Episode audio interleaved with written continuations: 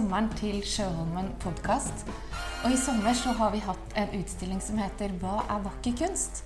Og vi har ikke noe svar her, men 30 kunstnere har kommet med sine eh, løsninger på hva som kan være vakker kunst. Og på Sjøholmen så ønsker vi å vise den kunsten som treffer deg rett i hjertet. Ikke nødvendigvis den kunsten som intellektualiserer eller handler om akademia, eh, men denne kunsten som er på en måte bortenfor ordene. Eh, kunst som handler om sjel, kanskje sårbarhet. Ikke det pene, men nettopp det vakre.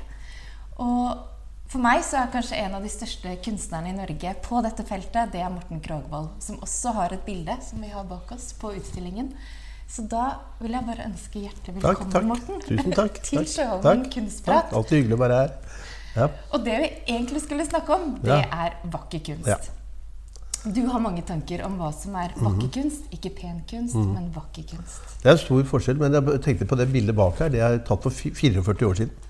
Det sier litt hvor gammel jeg er. da. Jeg ser det, ikke jeg... Ja, det er en stor forskjell, for hvis, man sier, hvis du sier til dine venninner at du så en pen mann på Karl Johan, så sovner alle. Men hvis du sier at du så en vakker mann, så spisser du ørene. Stor, jeg mener at penhet er kunstens fiende, og skjønnhet er kunstens venn. Og det er en stor forskjell.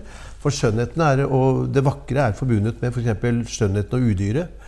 Det stygge andungen. Altså, ikke sant? Men, eh, så det ligger noe eh, Du kan si at det pene, og eh, altså det vakre, er jo også forbundet med døden. Det er forbundet med Rembrandts okseslakt. okseslakt. Francis Bacons for- forvridde eh, personer. Det har en skjønnhet og, og en vakkerhet i seg, men det har ingenting med penhet å gjøre, som ligger med sukker. Og jeg tror at all stor kunst handler om melankoli. Altså Det finnes jo ikke noe som ikke stammer derfra, og det betyr simpelthen svart galle. Og er en av de fire kroppsvæskene som grekerne mente var det skapende, som eh, da kommuniserte med Jupiter. Og, som var, altså, og grekerne mente at en fjerdedel av ø, våre egenskaper handler om å skape. Ikke bare i kunst, men på et eller annet måte på skapet. skape. Og da er melankolia altså en, en sorg. Og det handler faktisk bare om å fundere over livets tilværelse og tid og livets korthet. At det ligger der i bunn. Og det kan du også si med, Hvis du kommer inn på popmusikk, så kan du si at det mest kjente John Lennon har gjort, er å Imagine. Og det, er veldig, ikke sant? Det kan spilles i begravelser. Paul McCartney er jo selvfølgelig 'Yesterday'. Altså, så det ligger, De som huskes, ligger med en porsjon sorg eh, og melankoli som altså ikke er trist. For sånn er verden. Så det må ligge noe der. Kan man skape vakker kunst uten å ha levd et levd liv? Tror du det er mulig? Eh, Jeg holdt et foredrag på Oslo Kammermusikkfestival i går og gikk gjennom komponistene eh, av de som spilles mest i dag. Og de har jo stort sett hatt miserable liv. Og jeg tror ikke man må ha miserable liv, men de har gått gjennom eh, trøkker som i dag eh, i vår luksustid ingen ville forstå som er mulig. Altså Tenk på Maler. er 40 år, så han, Så da han var 40 år Nei, han var 40 år, da han mistet seks søsken, begge foreldrene og ene datteren sin. Når var er 40 år, Da begynner du å vite hva ting handler om. Og du kan gå i dypet. Og Mozart hadde jo et helvete i ti år. Han satt jo inn på en hest og vogn i snøstorm da han var 6, 7, 8, 9, 10 år. Fra slott til slott, fra Stuttgart til Paris, fra eh, Paris til London. Han sannsynligvis holder på å frosse seg i hjel. Beethoven fikk aldri nærhet av en kvinne. Han var forelsket tre ganger eh, og ble døv. ikke sant? Altså hvis du skjønner, Chopin døde 39 år gammel. Uh, Schumann ble sperra inne, kastet seg i Rhinen. Eh, det er veldig rart. Og Mursovskij, min store helt, han var drita full konstant. Og han lagde kanskje Russlands aller aller viktigste opera, Boris Gudenov. i fylla. Skrev på små servetter på kroer. Det er veldig, eh, men Jeg sier ikke at man må dit, men det er noen som klarer å gå så langt. Eh, men luksus, vet du, luksuskunst, det at man skal lide litt og så gå og spise sushi etterpå, det holder ikke. Så du, det, du må, hvis du er god, så er, du, så er du hver eneste dag i kontakt med eget stoff. Selv om du eventuelt ikke produserer. Du må hele tiden være i kontakt med det stoffet. Så det er en konsentrasjonsøvelse, og jeg tror ikke på eh, jeg tror ikke på kunstnere som kan la være å skape kunst, for da må de la være. For det er nok av arbeid. eh, De kan jobbe i helsesektoren eller et eller annet sånt. Så det må være en, eh, et trøkk, og det, du ser det med. Du ser det med. Jeg kan se hvis jeg kommer inn på en utstilling jeg, ser, jeg trenger ikke å like det, men du ser at det er en, en det vibrerer. altså Hvis det ikke gjør det, så er det ingenting. Så det er mange som tror det er kult å være kunst, men kunst handler aller minst om vellykkethet. Men kan sannhet ha noe med det vakre å gjøre? Ja, absolutt. Ja. Selvfølgelig. Uh, Picasso skulle male, uh, male en rik kvinne i Paris, og sa, så sa han Men kjære maestro Picasso, jeg ser jo ikke sånn ut. Og da sa Picasso men du kommer til å se sånn ut. så sannhet er en viktig ting. Men samtidig handler jo, som Arne Norheim sier, komponisten Det flotte med kunst er at det også handler om løgn. For du kan, du kan si hva du vil. Frans Widerberg sa jo han sa at 'jeg kan ikke oppheve tyngdekraften', sa han, 'men mine figurer kan fly rundt i rommet'. Chagall sa jo det samme. At jeg kan la folk spille fiolin over hustak i min barndomsby Wittebesk, og kuene flyr, for alt er lov. Ikke sant? For, du nærmer deg drømmen. Men det må være en sannhet overfor deg selv. Det er det, den, den sannheten skal ligge. At du ikke faker. For i det øyeblikket du prøver å være en annen du ikke er, så går du rett på stengrunn. Du blir avslørt. Du kan klare det og holde deg gående kanskje et par, tre, fire år, men du blir avslørt. Bildene avslører det. Mm. Eller diktene. Ja, eller, eller, eller jo, musikken og alt. ikke sant? Men i din karriere, hvordan jakter du det vakre bildet? Eh. Altså, Det merkelige er at det vanskeligste i, i billedkunst er å finne sin klang, sin stil. Eh, men jeg fant den med en gang. Mm. og det, er, uh, og det, det så kan jo de som lytter på eller ser dette, ta den lille testen på om det de prøver å skape, om det har noe med Jeg pleier å si Ok, hva er din favoritt? Tre favorittfilmer, tre favorittbøker, tre favorittmusikkstykker, tre favorittmalerier, tre fotografi altså osv. Og, og hvis de spriker, og det ikke er noe fellesskap, da leter du. Men hvis det ligger en bunnklang i et fellesskap mellom filmen og musikken og boken du liker, da er du inne på det sporet som kan være deg som du tiltales av. Og så er det jo egentlig bare narrer da, som hele tiden uh, prøver å skifte stil. Du kan si at Picasso er vel den eneste som har lykkes med og, Men han hadde allikevel en grunnstil som handlet om eh, eh, gamle afrikanske masker. 10 000 år tilbake, hulemaleriene 35 000 år tilbake, iberisk jernalder. Han, han, holdt på de idealene, og så sprengte han alle grenser. Men utover det så tror jeg Jan Gabarik har sagt det helt fantastisk. for Han sa at hver CD jeg spiller inn, er helt lik, bortsett fra helt for, motsatt.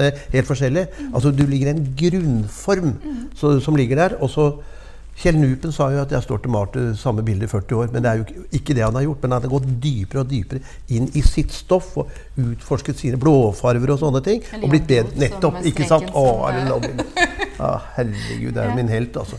Turte å holde på en strek i 40 år. og hadde hele Guggenheim i New York. Det er få som har nådd så langt som han altså, på den streken. Helt fantastisk. Mm. Men i samtidskunsten i dag eh, så opplever jeg at det vakre er fortsatt ikke lov. Eh, Nei. Men, det, eh, men det handler jo om at de må jo ha noe å snakke om. Ja. Um, du kan si En ting som er veldig interessant med samtidskunst og den abstrakte kunsten, som jeg absolutt uh, tiltaler seg på mange måter Men hvis uh, uh, Erna Solberg f.eks. Uh, vinner valget, eller Støre, hvis de skal holde nyttårstale, så kan ikke de ha et bilde av Rembrandt bak på nyttårstalen, for det er ingen som ser på dem. Du kan til og med ikke ha et bilde av Odd Nerdrum engang. Eh, for ser, da ser du på bildet Du er nødt til å ha en, en slags non-figurativ og det ser du på alle disse uh, offentlige kontorer som jeg har vært på. Uh, alle ministrene jeg har møtt. Det er liksom ganske ufarlige ting de må ha. Du kan ikke gå inn og ha Kate Colwitz, altså. Nei, nei, nei. For det er det ingen som snakker. Fordi det er for sterkt. Det kjører over eierne av maleriene. Og det er også derfor mye næringslivet foretrekker det litt modernistiske som er som blir for meg litt dekor. Ja. Men så er det noen av de som er selvfølgelig steinbra. Men de mener jeg var aller, det var liksom disse gutta som holdt på Paul Klee og sånn under eh, mellomkrigstiden, og Poljakov og eh, og disse For det var pepper, altså. De hadde en passion med det. Fordi de også I en annen tid enn det vi er også. Ikke sant. Det er nettopp det. Du kan tenke deg, og Det er veldig interessant når vi snakker om den kunsten Chagall, Picasso osv. Kandinsky og disse her, de levde, mellom, de levde under første verdenskrig, annen verdenskrig, krisa eh, i, i 30-tallet. Europa sto i brann, de måtte rømme. Altså de, de sto jo i et helvete, og vi har hatt korona ett og et halvt år. Vet du hva, Da den koronaen kom, vet du hva jeg tenkte da? Der sørget jeg for at ok, de, ja, min nærmeste krets 10-15, var ikke økonomisk påvirket av det. Og da tenkte jeg at hvis jeg begynner å synes synd på meg på dette, da er jeg ferdig. For jeg tenkte med en gang jeg skulle vært i St. Petersburg, jeg skulle vært i Napoli til utstillingen min. Jeg kan ikke, men jeg har haven min. Der ligger jo alt. Så jeg har følt en enorm frihet. Og da begynner du å si å, jeg får ikke reist på halvannet år. Hva er problemet? Det er nesten ingen av kunstnere som har hatt råd til å reise. Eller hvis de skulle reise til USA, så var det en måned med dampskip. ikke sant? Så den der pipinga, den holder ikke. altså. Der, man må være helt nådeløs. Helt nådeløs. Og du tørre å dy, dypdykke ned i det ubehagelige ved seg selv. Og det er da det vakre kommer ut, men ikke det pene. For hva er vakkert? Jo, for meg er jo november og desember, særlig november, den vakreste måneden rent visuelt. Hvor alt er borte, og hvor alt står liksom og er dødt. Og så står du helt opp til deg. Altså, Da er ikke naturen lenger påkledd på en måte og, og pynte seg for deg. Og heller når snøen kommer, så er det, pynter naturen seg for oss. Men når den er helt blotta for alt, da ligger det en sånn voldsom nerve som egner seg til å lage bilder ut fra. Og for Kåre Tveter malte jo aldri om sommeren. Ikke Erling Enger, den store også landskapsmaleren. De, de, de, men de kunne eventuelt gjøre det på nettene, sommernettene. For lyset er der. Altså Hamsun-nettene. Men den der sola midt på i juni, den er jo helt knekkende likegyldig. Ja. ja, nettopp, nettopp, nettopp. Da må vi inn på George O'Keefe. Google George O'Keefe Flowers, så kan du se hva blomsten skal være. Også. For det er så sensuelt og erotisk at du bare dør av det. Ikke sant? Ikke sant? Det er akkurat det. Men uh, dette vakre portrettet Du har jo møtt hundrevis av mennesker og portrettert de. Uh, hvordan får du fram dette vakre i alle mennesker uansett? Det uh, jeg får til, det er ved Altså, jeg jeg tenkte at dikteren nå avdød, nylig avdød Kolbein Falkeid Han var jo sjømann tidlig. Og han uh, har jo vært i alle sånn sjømannskneiper rundt i verden. Men han sier noe veldig fint. for Han sier at 'jeg har aldri møtt et menneske som ikke har lyst på en ordentlig samtale om de viktige tingene i livet'. Og det er det jeg går inn på. Uh, jeg prøver å ha et lys som er litt finere enn dette lyset her, mm. som kommer inn. Uh, og så, uh, så, lager jeg en scenografi, en bakgrunn og en dresscode. Og når den er gjort, så handler dette om en dialog. Og jeg prøver å få, få bort fake i et ansikt. Vi spiller jo roller. Mm. Du vil jo være én rolle med kjæresten din, én med barna dine, én med kongen, én med en, en innbruddstyv som kommer. Man spiller jo hele tiden roller. En når du er profesjonell, en når du ønsker velkommen til utstilling. Vi spiller jo roller å få bort rollespillet og, og, begynne å komme inn mot to ting. En sårbarhet, øh, og det er ikke tristesse, og en konsentrasjon. Sånn som du er nå, ville du vært fint å fotografere, hvor du lytter og er på, ikke avslappa, men er på, og er konsentrert. og hvor denne utenriksministeren, som jeg kaller det, som, er, som, representerer oss, er borte, og du prøver å komme inn til innenriksministeren. Altså som er deg. Men det er en metode som, som handler om konsentrasjon. Og Da kan ikke det ta mobiltelefon og bryte av den. Det er en, en time, to timers ren konsentrasjon. Mens du kan gå inn til en portrettmaler og så si 'Hei, Håkon Bleken'. Og så ser han, jeg, jeg, jeg ser om kvarter, og så kan han be modellen bare slappe av litt. For det er en lengre prosess. Men vi er nødt til å treffe den nerven der og da. Og da kan det ikke være noen avbrudd. Så det handler veldig mye om uh, kommunikasjon. For, for det, hvis jeg skulle fotografere deg, så er jo så er det ikke jeg som skal dirigere, men jeg, den energien jeg sender til deg, skal bearbeides i ditt ansikt, hjerne, hjerte og det hele. Også i den energien du sender tilbake. Det er det som treffer filmen eller brikka. Jeg jobber jo med film. da. Det er den toveiskommunikasjonen. Og da må jeg hele tiden lytte, og så må vi aldri glemme kildene. fordi De fleste kunstnerne har jo, som har ledd, har jo vært bedre enn oss. Det er bare noen få i dag som matcher Leonardo. Da sier Leonardo at det gjelder munnvikene. Og nettopp. De fire leddene her. Øyekrokene og munnvikene. Der ligger hele og leppene. At det ligger veldig mye i nerve. For Jeg vil gjerne også ha fram nevrosen, men det er ikke den nevrosen, men den der lille tensheten, så det ikke blir trygt. For et portrett må ikke være trygt. Det må ligge i den der lille rastløsheten som ligger i hvert menneske. Så det er den prosessen som jeg jobber med, som krever enorm konsentrasjon. altså. Og jeg tenker at En ekstrem psykologisk innsikt fra deg Ja, det må du jo gjøre. Men jeg har jo brukt 50 år på dette. Eh, jeg, men det har jeg brukt hele tiden. At eh, du må være interessert i det mennesket. Du kan igjen ikke fake. Nei. Du må faktisk være interessert. Om det er en familie som kommer, eller om det er Nelson Mandela, spiller ingen rolle. Du må være interessert. Det er et uttrykk som sier if you, if you want to be interesting, be interested. Ikke sant? Og du må lytte og være med og gi jernet hele veien. Og I det øyeblikket jeg går ned til 90% så er det solgt. Altså, da, blir det, da får du ikke den tennsheten. Og for deg så handler det ikke, er det ikke noe forskjell om du møter et barn i Nepal eller Erna nei, Solberg nei, nei, eller Nelson Mandela? Nei, overhodet ikke. Overhodet ikke. Og jeg er jo veldig nervøs på hver eneste fotografering fortsatt. eh, og jeg er, så jeg, er- jeg bodde jo vegg i vegg med Anne-Cath. Vestli i mange år. Og Anne-Cath var jo nervøs i 60 år. For hun skulle jo lese på Lilla, Lillestrøm, så var hun nervøs. Skulle hun, øh, så kom hun til meg og så spurte hun kunne få en konjakk. Og skulle hun opp til Lillehammer tre dager etter, så var hun nervøs. Hun trodde ikke det gikk bra. Og jeg tror også alt går til helvete. Så jeg er så øh, er, Ja, gjør det. Så jeg er jo ekstremt nervøs øh, før et opptak. Om det er Uh, en som ønsker et, eh, et portrett til jul til kjæresten sin, eller uh, hva, hva det er, så er jeg jo veldig tens. Fordi det er akkurat det du holder på med nå, som er viktig. Og der kan man lære mye av idrett. For idrettsutøver kan ikke bare si at 'jeg vant i fjor', du må vinne nå. Altså Du må være på topp. For ellers ellers beviselig så taper du den fotballkampen eller mister de ti sekundene på ski. Og det er ganske mye å lære av den innstillingen. Og de har en tøff innstilling som mange kunstnere kan lære av. Jeg skulle fotografere bryllupet til Ola Einar Bjørndalen, og da spurte jeg ja, vi må avtale litt. Når er det jeg kan ringe deg? Så du kan ringe meg når du har løpt tre mil. Ja, når er det? Klokka ni om morgenen. Da har han løpt tre mil. ikke sant? Det er bare første økta. Du, vi tar- står opp om morgenen, og de kjører. Og det må min storhet Vet du hvem det er? Karl Ove Knausgård. Han klarte å skrive nesten 3000 sider med en syk kone, med ansvar for tre barn, aleine. Sto opp halv fem, fem om morgenen og skrev til de sto opp hver dag og produserte 3000 sider, som er oversatt til 60 språk. På tross av, på tross av, på tross av. På pur vilje, altså. Det, det den trøkket der som må til. vet du. Utrolig disiplinert. Selv om han da, jeg har truffet ham flere ganger, vil si at han, han vil si at han ikke er det. Men at det, det var ikke noe valg, fordi barna står opp klokka sju. Da må jeg stå opp fem for å få de to timene. Og så er det triviell og matpakker og før i barnehage, skole og hele greiene. Og så har han noen timer eh, midt på dagen. Og så må han samle tankene, og så går du rett på.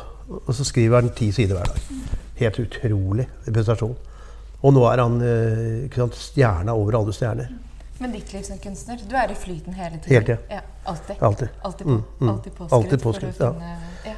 Eh, Og det kan være å sitte og drikke rødvin med venner, og sånn, men er, du kan alltid bruke rommet. Du kan bruke et eller annet, hvordan de sitter. ikke sant?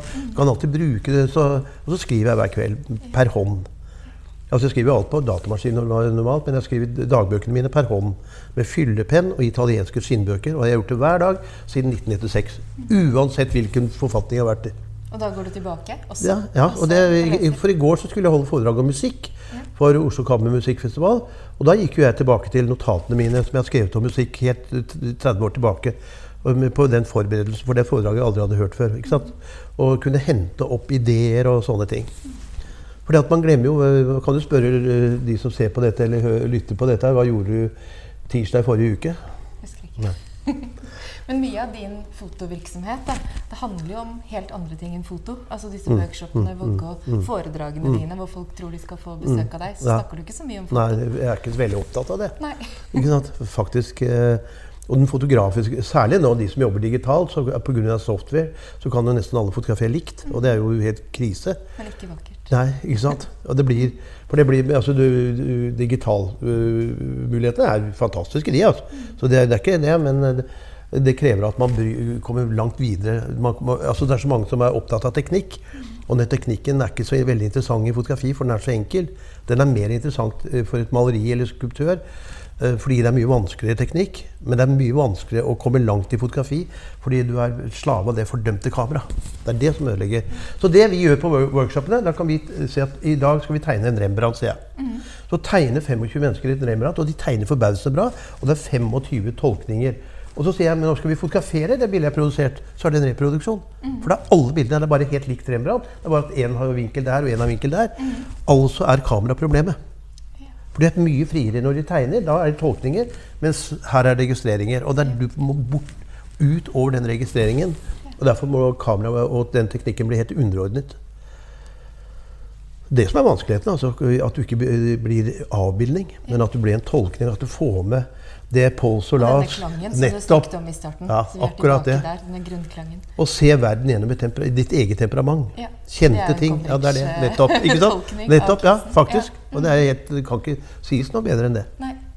Vi skal begynne litt å avslutte, men Ja. hvis du ser tilbake på en lang karriere, Ja. er det et menneskemøte som står frem sterkere enn de andre av disse portrettene du har tatt? Ja, det er jo selvfølgelig det er så, det er så mange. Men eh, jeg kan jo bare si for eksempel, at jeg skulle fotografere rikskansler Willy Brandt. eh, og jeg kom da, og så hadde det vært bombetrussel, så det var bare hundrevis av politier utenfor.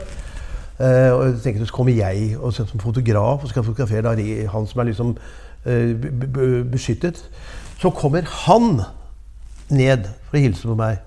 I den krisa så ser han uh, Morten Krogvold, vi har et problem her. Er det greit for det, deg at vi venter en halvtime? Her får du kaffe og kringle eller sånn. Så henter jeg deg. Det var han som henta meg. Og det var han som gjorde det. Det er helt uforståelig sjenerøst.